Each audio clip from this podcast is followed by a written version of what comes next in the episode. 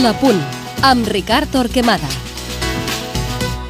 Son Moix viurà una festa diumenge. El Mallorca celebrarà la permanència el dia que el Barça pot ser campió, tant sigui per l'ensopegada del Madrid a Villarreal com per sumar el punt que necessita. Mollà ha tornat a la porteria després d'una lesió llarga, però encara busca el ritme de competició. Scaloni protegeix la banda dreta amb orgull i agressivitat, tot i que ha perdut velocitat. A l'eix, David Navarro porta contundència i Rami sortida de pilota, tot i que certa tendresa en la disputa.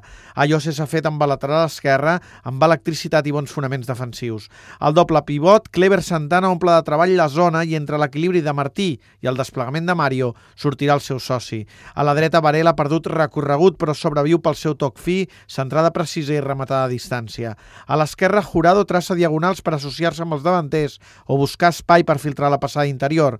Arango disposa d'absoluta llibertat per explotar el seu talent, imaginació i recursos en la rematada per darrere de Duris, tan treballador en la pressió i en la desmarcada com poc efectiu en la rematada. El Mallorca convida el Barça a la festa amb el passadís com a invitació.